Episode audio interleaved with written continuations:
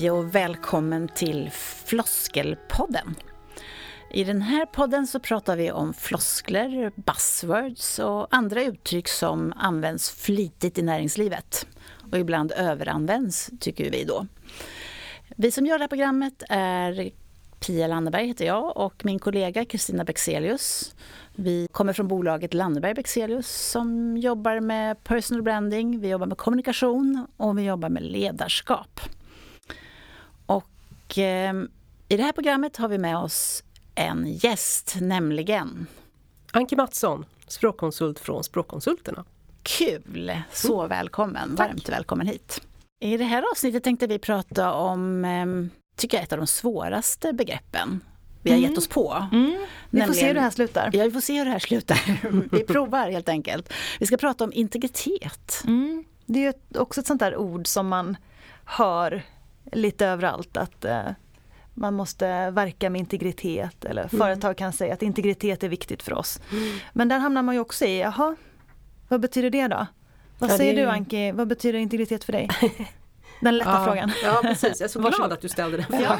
Ja, som av en händelse. Ja precis. Nej men det är ju någonting som man måste ha, integritet.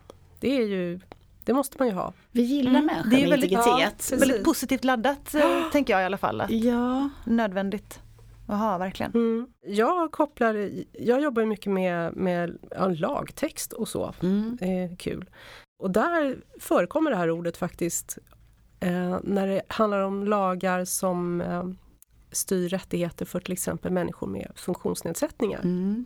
Att, eh, nu mm. måste jag läsa till lite grann, mm. att de ska ha, alltså lagarna säger att de ska behandlas med respekt för självbestämmande och integritet. Till mm. exempel kan det stå i en lagtext. Och vad menar man med det då? Ja precis, att de ska man. självbestämmande, att de ska få bestämma över sitt eget liv, ja. bestämma om de vill ha barn eller inte, var ja. de ska bo någonstans.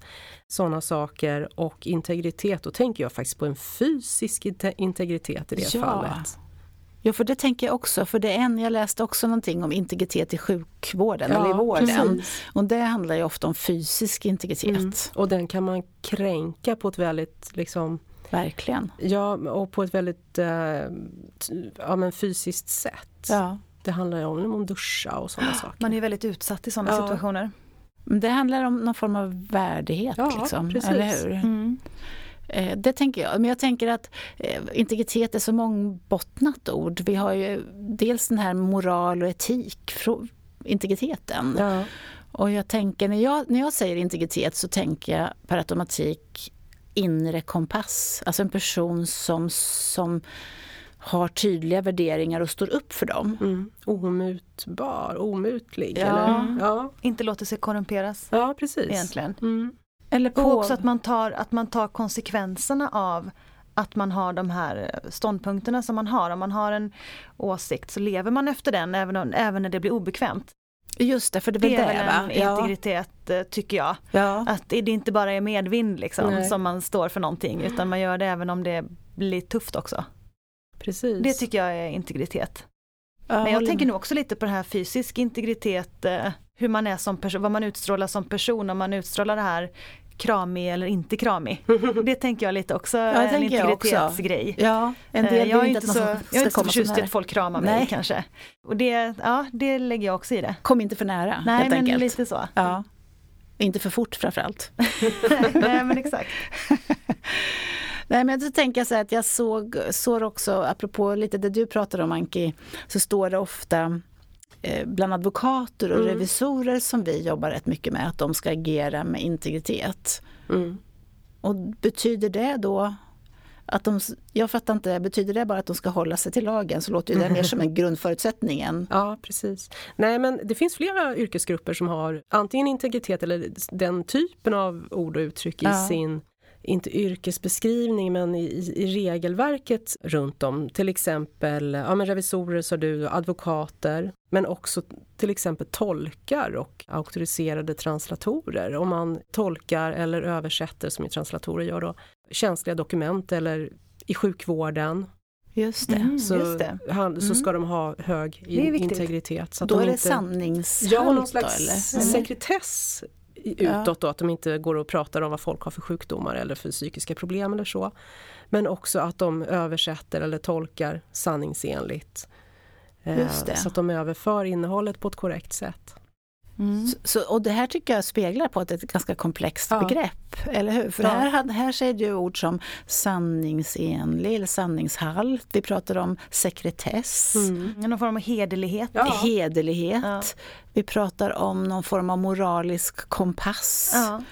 Och vi pratar också om det här walk the talk, alltså ja, att leva verkligen. som man lär. Alltså att vi säger att ha, jag kan inte säga en sak och göra en annan Nej. sak för då upplevs man inte som har stark integritet. Mm.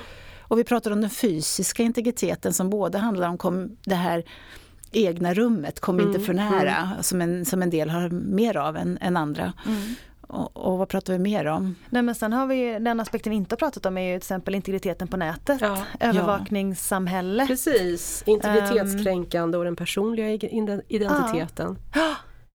ja. Många som söker tillstånd att få sätta upp kameror och, och sådär och vad gör det med vår personliga integritet? Mm. Ja precis, och vad ska man tycka om det? Ska man mm. tycka att har jag rent mjöl i påsen har jag inget att oroa mig för?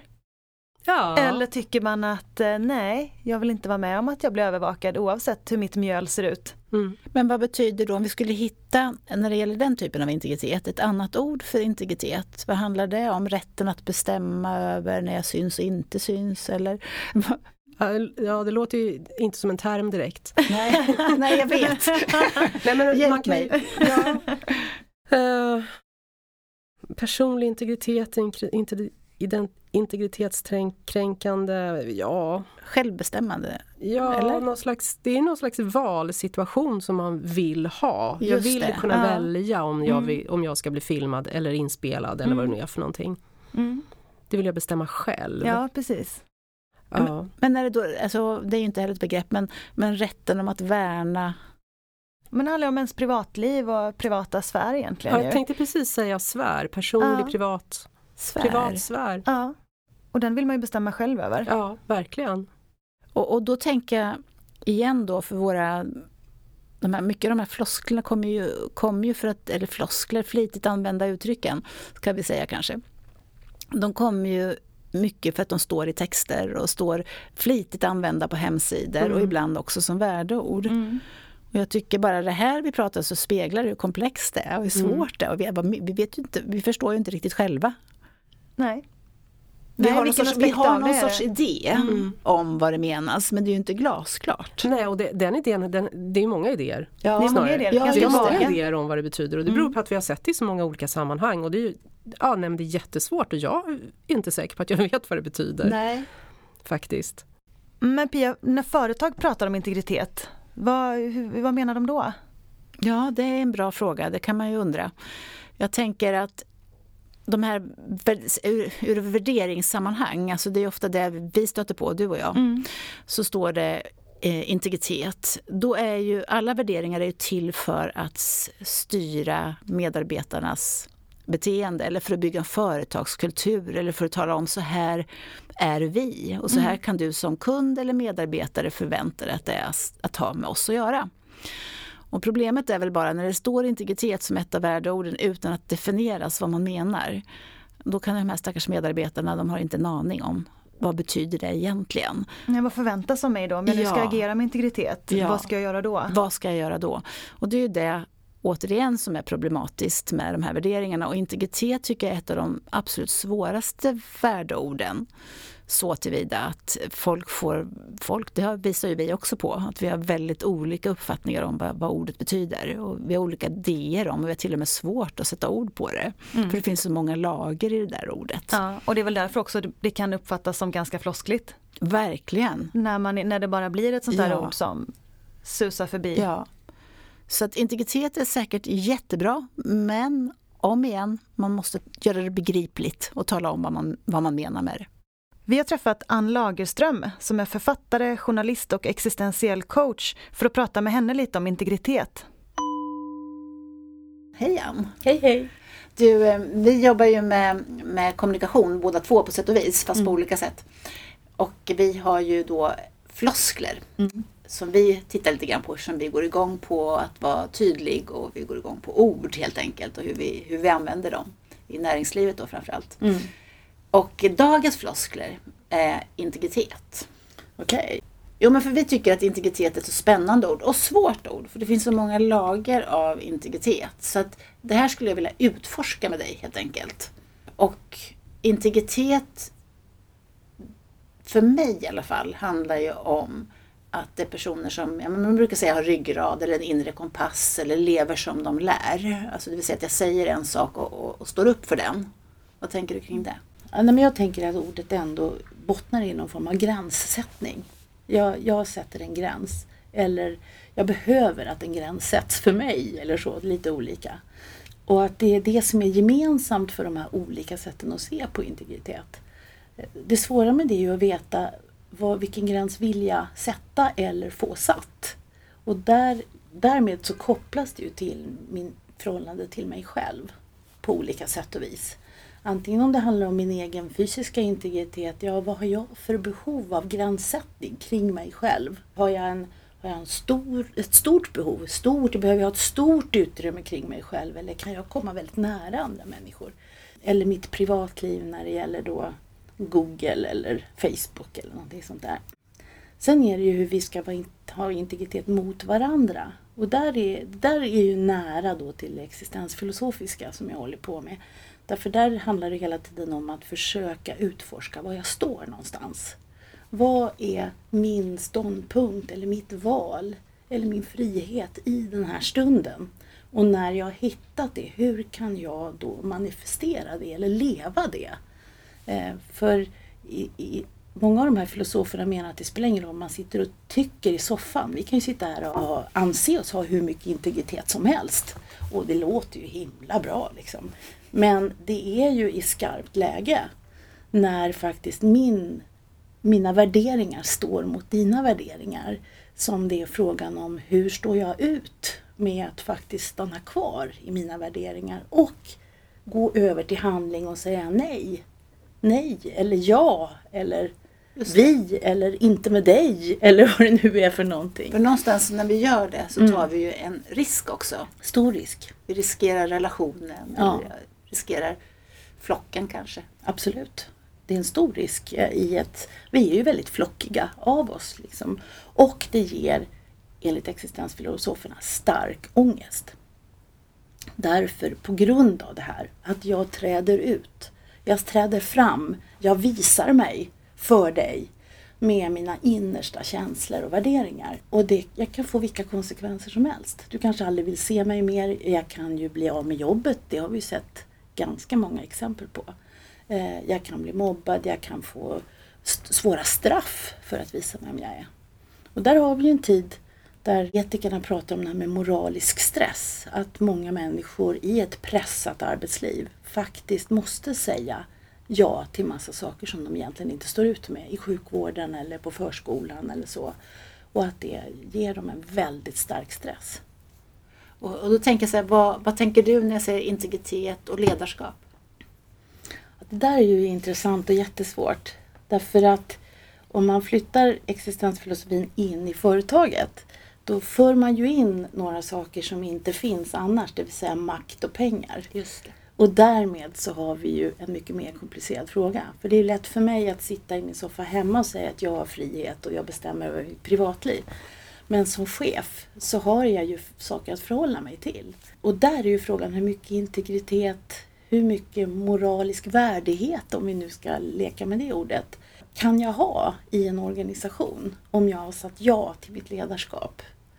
För att säga ja till ledarskap innebär ju att jag säger ja till företagets värden och värdighet. Och företagets sätt att behandla sin personal eller producera sina varor eller så. Och och vad kan jag köpa av det och vad står jag faktiskt inte ut med? Och där, för en ledare handlar det om att behålla jobbet eller gå därifrån.